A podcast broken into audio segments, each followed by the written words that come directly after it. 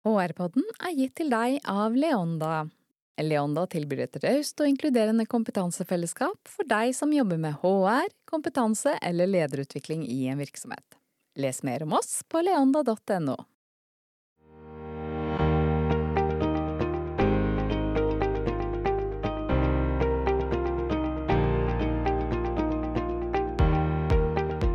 Velkommen til HR-podden. Mitt navn er Annelise Heide.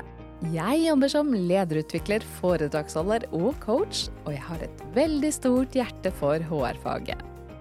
Jeg leder digitale og fysiske kompetansenettverk i Leonda, og i godt selskap med spennende gjester byr jeg på faglig påfyll og aktuelle HR-tips hver uke.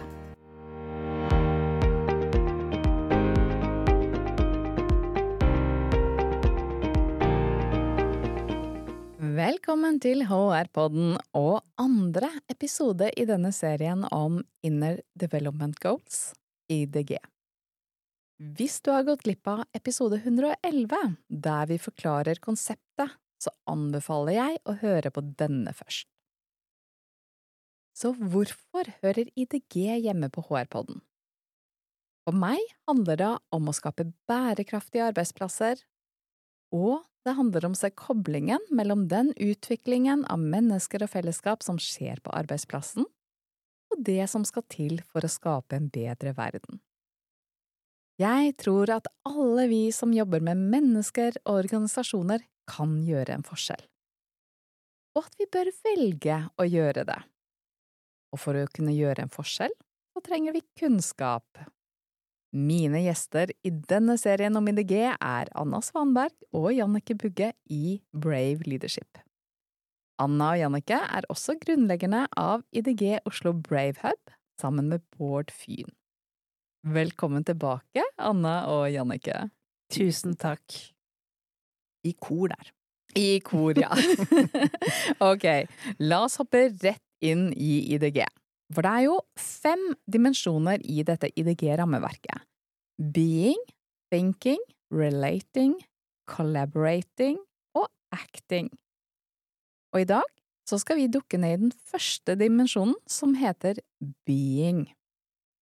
Hva handler egentlig dette om?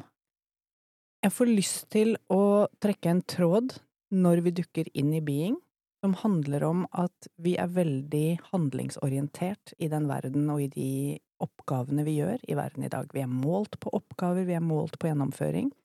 Og det, da vi oppdaget IDG-nettverk, eller IDG-rammeverket, så så vi at handling trenger en mer bevisst tanke bak først, og så ble vi opptatt av hele den rekken som du sa.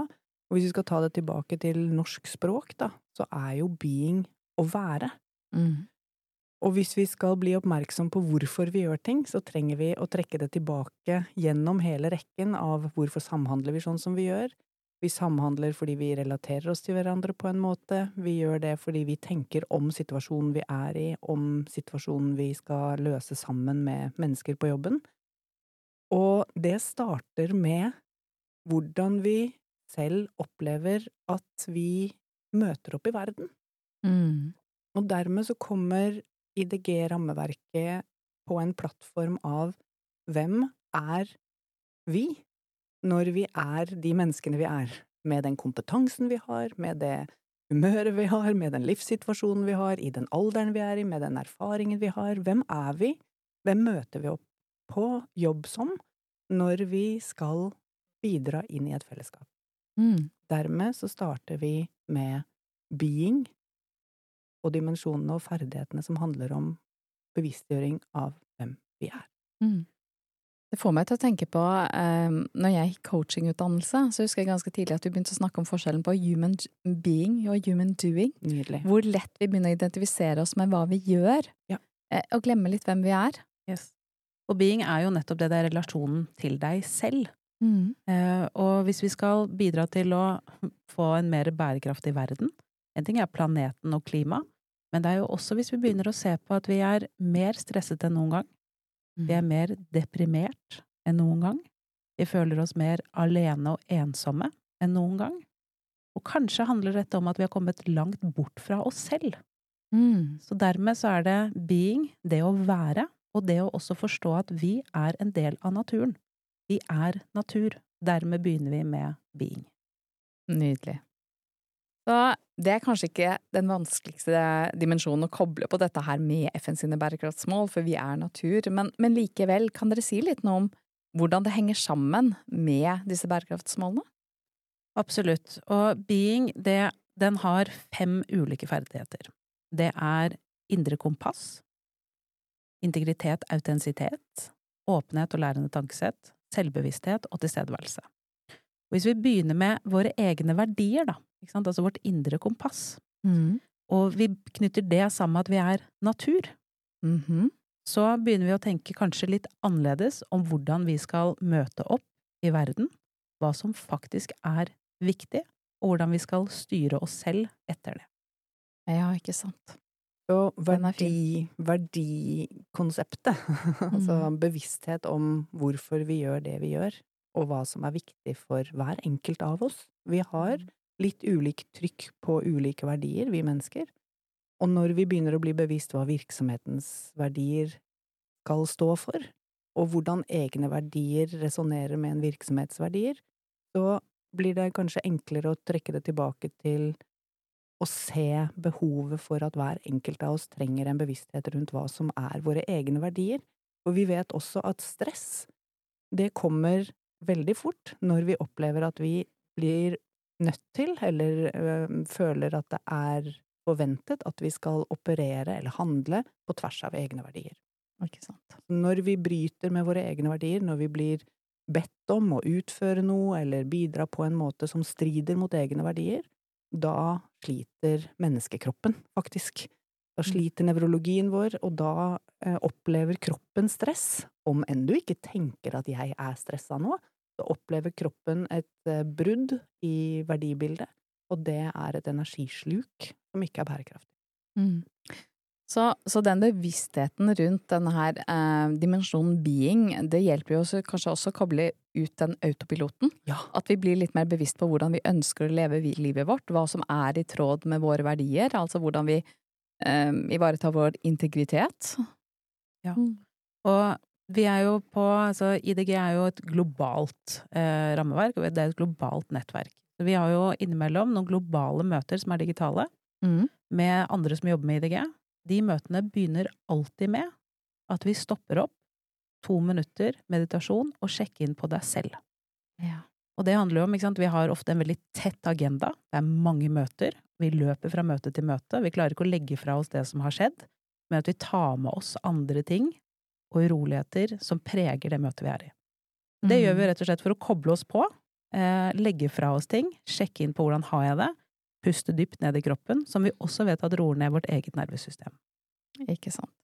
Så, eh, og det er jo en fin bro inn til mitt neste spørsmål, som er ok, hvis vi tar dette inn på arbeidsplassen, hvordan tenker dere, eller hvorfor tenker dere at being er en viktig dimensjon eh, på en arbeidsplass? Ja, det begynner jo med det som Anna snakker om. Hvor til stede er du i alle møter, i alt du foretar deg i løpet av en dag? Da pandemien kom, så ble vi oppmerksom på hvor lett det var å ha back to back. Det tror jeg folk har vært oppmerksom på før, men hvordan det begynte å bli snakk om hvordan skal vi legge opp til at vi har 55-minuttersmøter, kanskje, jeg rekker ikke å hente et vannglass engang før det neste møtet begynner. Vi trenger å legge inn pauser, enhver idrettsutøver restituerer, for å være påkoblet når du skal prestere i et møte. Det å bruke i hverdagen noen få minutter til å tenke ok, det var det møtet, skrive ned det jeg trenger å huske fra det, tenke mhm. hva er det som jeg skal bidra med i det neste møtet. Og møte opp kanskje også med en innsjekk som sier hvor er jeg her nå? Nå kommer jeg fra et møte som har stressa meg, jeg er ikke helt på enda, men gi meg et par minutter, så, så skal jeg koble på det vi skal diskutere. Mm. Og i dagens hverdag så tror vi det gjennomføres veldig mye møter, det er et, eksempel, da, hvor mm. kanskje ikke alle er 100 til stede, og da får man fort den diskusjonen vi bare møter oss i hjel. Ja. Mm. Så har du også den som vi var litt inne på i stad, i forhold til våre egne verdier, men også virksomhetens sine verdier, og hvordan det påvirker hvordan vi handler. Mm. Så det å være klar over ens egne verdier. Når vi jobber med rekruttering, så er vi jo ofte opptatt av å ansette mennesker som har lignende verdier, som virksomheten sine. Mm. Så da må vi være bevisste, og så må vi finne ut av hva er virksomheten sine verdier, hvordan henger disse sammen, hvordan skal vi jobbe i tråd med det, mm. hvordan påvirker det oss når vi er verdidrevet. Mm. Um, og så er det jo det her med å ha en integritet og en autentisitet. Vi snakker mye om autentisk ledelse.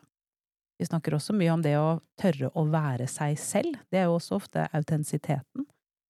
Hvis alle på jobb kunne bare få lov til å være seg selv, så mm. hadde vi sannsynligvis klart å slappe mer av. Ikke vært kanskje like opptatt av perfeksjonisme, som vi vet at er utfordrende i dag. Og sannsynligvis så hadde vi kanskje også bygd bedre relasjoner hvis jeg ikke hadde måttet tilpasse meg, i stedet for å jobbe med en tilhørighet. Mm, ikke sant. Og da kommer du inn på dimensjoner som mangfold og inkludering, så veldig mange yes. jobber aktivt med i dag i organisasjonene, og hvordan vi skal skape rom for akkurat det, at folk kan være seg selv eh, på jobben. Mm. mm. Og så er det jo også dette med åpenhet og lærende tankesett, og det er jo i mange HR-agendaer noe som vi snakker mye om. Mm. Det å skape en, altså bygge en kultur for at du har en dag som du har i dag, eh, det er ok. Det å ha en kultur som åpner for at dimensjonene mangfold er mer enn bare mann-kvinne. Mm. Det å åpne for lærende tankesett som Amy Edmundsen sier så klokt, it's hard to learn when you already know. Og det mm -hmm. handler jo om at vi tror vi vet. Og mm. for oss så er bevissthet rundt det indre kompasset og hvordan vi faktisk møter opp, så viktig for nettopp å skape en lærende organisasjon, et lærende miljø. Et miljø hvor det er rom for nye tanker. Mm. Nettopp. Det er jo fem tilknyttede kvaliteter, eller såkalt ferdigheter, til denne dimensjonen dere nevnte de i stad. Eh, tenker på, Kan vi dukke ned i et par av dem? Um, jeg har lyst til å styre dere litt og si at jeg har lyst til å starte med det å ha et indre kompass. Hva handler det om? Hvor skal vi begynne? For det er lettest for meg å begynne med mitt eget indre kompass. Mitt indre kompass har vært urolig. Um, og indre kompass handler jo om en bevissthet rundt hvorfor jeg gjør det jeg gjør. Og det indre kompasset har gjort meg oppmerksom på at jeg har gjort en hel del handlinger, alt fra valg av utdannelse til valg av jobb, til relasjonelle… hvordan jeg er som forelder, hvordan jeg er som kollega, hvordan jeg er som leder, som jeg har gjort fordi jeg har trodd at noe har vært forventet av meg. Mm. Og det indre kompasset for meg handler om å bli mer bevisst på hvorfor jeg gjør det jeg gjør, hvilke konsekvenser mine handlinger vil få for meg, og for de rundt meg, og bevissthet rundt hvordan jeg kan og har muligheten til å ta henda på eget ratt og endre den kompasskursen noen få grader. Og der er vi inne mm. på endringskapasiteten som vi begynte med i første episode. Det indre kompasset Vi endrer oss lettest som mennesker hvis vi skjønner at det er noe vinning for meg sjøl. What's in it for me? Og hvis jeg ser at hvis jeg endrer kompasskursen min lite grann, i Oslo når jeg skal fly til eh, Los Angeles, så kanskje jeg faktisk havner i, i eh, San Francisco istedenfor. Liksom, kompasskurs handler om at vi gjør små endringer i hverdagen som får konsekvenser over tid. Nettopp. Henger det også tett sammen med det her med å ha en høyere mening? Ikke sant? Vi er veldig opptatt i dag av å jobbe hos arbeidsgivere som bidrar til noe som er større enn oss selv. Mm. Hvis vi klarer å knytte vårt indre kompass sammen med en høyere mening, mm. og hele tiden gjøre, som Jannicke sier, disse små justeringene i den kompasskursen, så kommer vi også kanskje som selskap og organisasjon nærmere det høyere formålet. Mm. Og jeg tenker for meg som jobber en god del med selvledelse og sånn, det gjør helt sikkert dere òg når vi er ute i organisasjoner, Eh, så er jo dette indre kompasset et slags fundament for å begynne å jobbe med selvledelse. For ja. du, hvis du skal ta ansvar for eget liv og den utviklingen, de målene du har, det du ønsker å oppnå, så må du jo vite hvor du skal. Det begynner jo der. Jeg liker at du sier ansvar, da. Fordi mm. det er jo det dette rammeverket gjør for oss, og som er en fin måte å bli bevisst hvilket ansvar har jeg, da? Hvilken påvirkningsmulighet har jeg? Mm. Kanskje jeg har mer påvirkningsmulighet på meg og mitt liv og min egen bærekraft av min fysiske kropp, på en måte, men også i et mye, mye større systemperspektiv.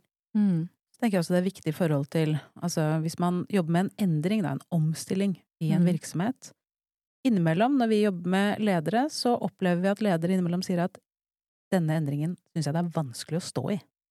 Mm. Og da er det jo litt sånn, er du da riktig leder til å lede denne endringen? Innimellom så handler det kanskje om at det går på tross av dine egne verdier, måten prosessen gjøres på, Mm. eller hvor virksomheten er på vei.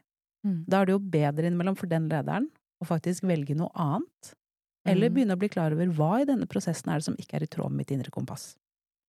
Fordi hvis vi leder endringer som vi kjenner at strider imot vårt kompass, så Mm. blir det heller sjelden et godt resultat. Mm. Og da får jeg en bevissthet på hvor viktig det er at folk eh, er kjent med sitt indre kompass, og vet litt eh, hva, hva jeg står for, hva som er riktig for meg, for det blir ikke bra for hverken deg som menneske eller for virksomheten hvis vi prøver å gjøre noe som ikke stemmer overens med verdiene våre, med, med vårt why, da, i forhold til indre kompass. Mm. Mm. Så når vi har ferdighetstreninger og trener på indre kompass, så er det jo akkurat som du sier, Annelise, da jobber vi med finne våre egne verdier, og også prøve å finne ut av hvilke situasjoner er det jeg står i, hvor jeg kjenner at jeg etterlever kompasset mitt Mm. og verdiene mine, Mm. og hvor er det jeg kjenner at det bryter. Mm. Nydelig. Jeg, tok akkurat en, en, en ny coachingutdannelse, fyller stadig på, eh, med Learn Coaching, og de har en modell der du jobber med én, ressursene dine, styrkene, så jobber du med verdiene dine, veldig klassiske, tradisjonelle ting, men så jobber du med å finne ditt nord. Eh, og ditt nord, det er jo kompasset, rett og slett. Og det er noe med hva, Det kan være ditt why, som Simon Sinek snakker om, men det kan også være en praksis, eller hvordan du ønsker å leve ditt liv, men ha liksom en, en bevissthet eh, rundt hva som er viktig for deg. Mm. Ok, eh, hvis dere skulle velge én ferdighet til, som vi sier litt om det i denne episoden, hva har dere lyst til å dukke ned i da? Da har vi lyst til å dukke ned i tilstedeværelse, altså det å ha evnen til å være her og nå, uten å dømme. Det tror vi er spesielt viktig når vi jobber med mennesker, fordi vi merker jo om folk er til stede.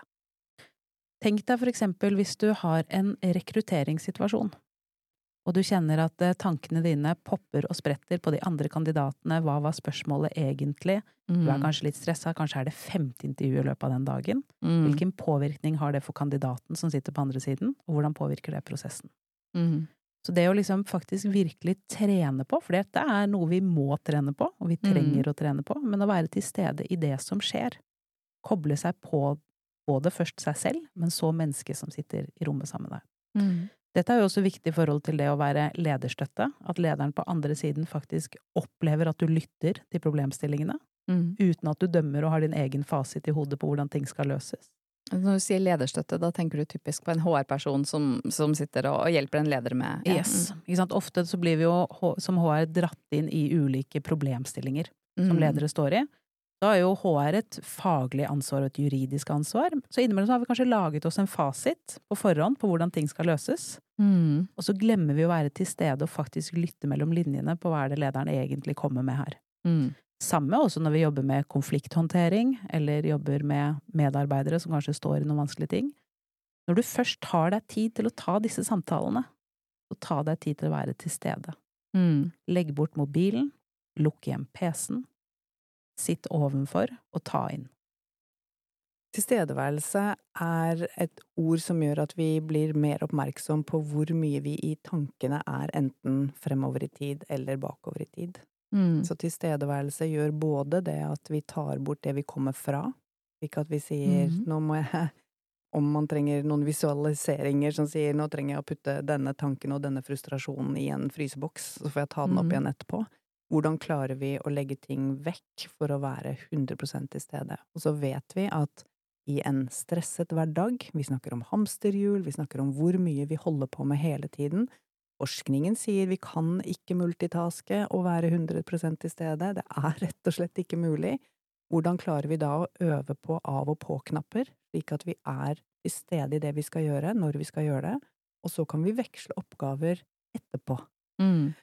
Vi vet at en stresset deltakelse i intervjuet som Anna nevner, gir ikke den beste opplevelsen for kandidaten. Det tror jeg de aller fleste er ganske enige om. Og det gjelder jo også i andre typer møter. I et ledermøte. Er du i HR, så skal du kanskje inn og legge frem en viktig sak. Hvis vi tenker på at vi er mest redde for at dette ikke skal nå gjennom, og konsekvensene det kan få, så blir det ikke like bra som om vi er til stede og gjør det beste vi kan i det øyeblikket. Ja, og så blir det jo veldig fort gjort å begynne å tenke på disse møtedeltakerne også i det ledermøtet. Definitivt. Så, eller i alle møter. Mm. Effekten av at vi sitter og scroller på telefonen eller prøver å gjøre noe annet samtidig. En ting er at vi vet at vi kan ikke multitaske, vi driver egentlig bare med multiswitching, ja. altså vi bytter mellom oppgaver. Men det andre er jo effekten det har på andre.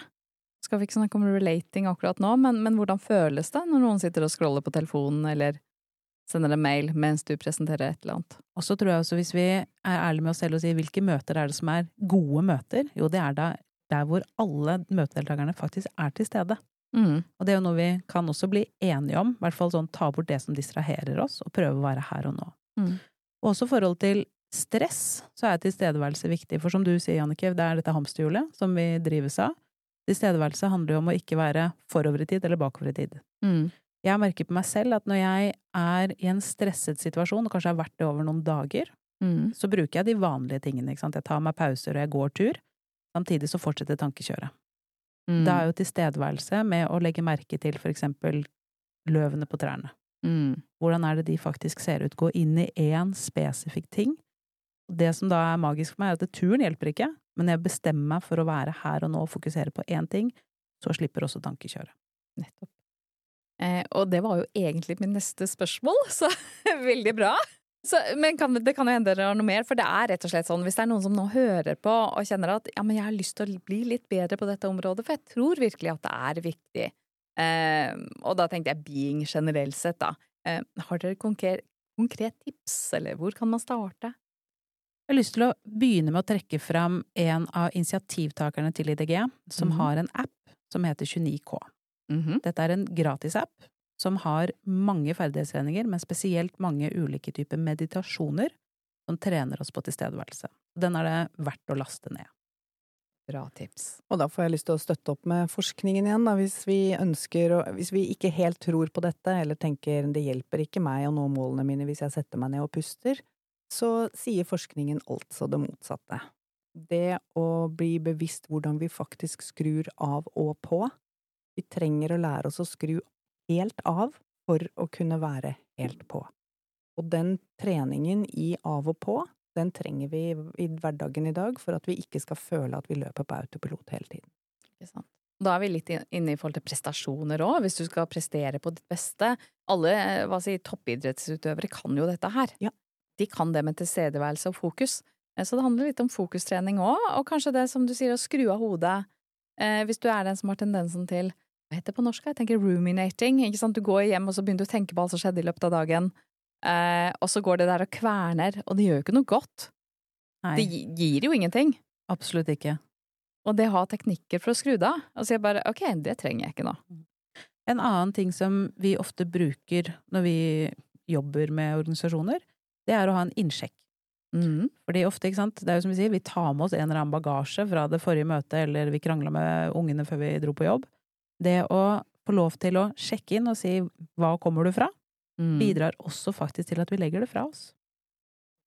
En annen positiv effekt med å ha en innsjekk i starten av et møte hvor alle sier noe, er at da har alle sagt noe i starten av møtet, og sannsynligheten for at flere bidrar aktivt senere i møtet, er mye større.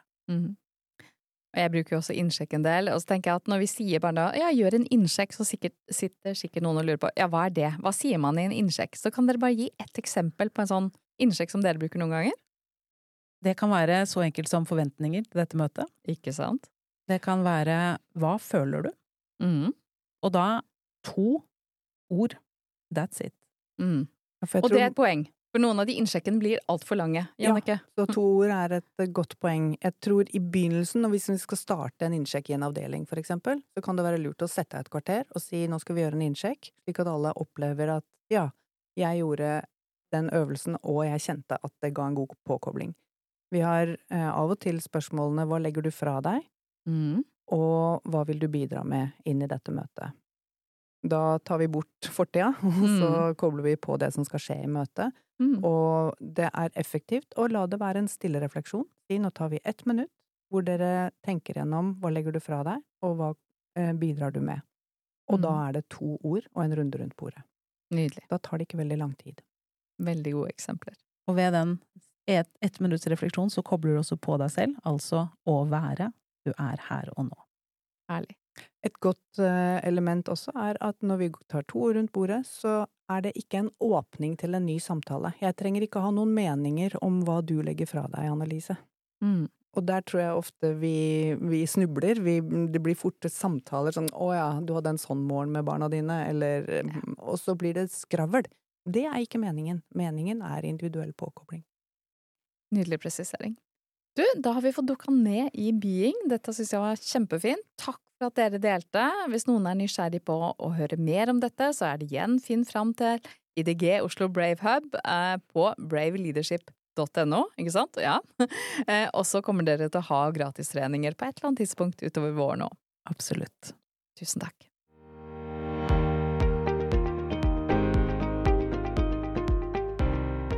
Synes du dette var nyttig? Tips gjerne en venn eller kollega om denne episoden, slik at flere kan få glede av det som vi deler.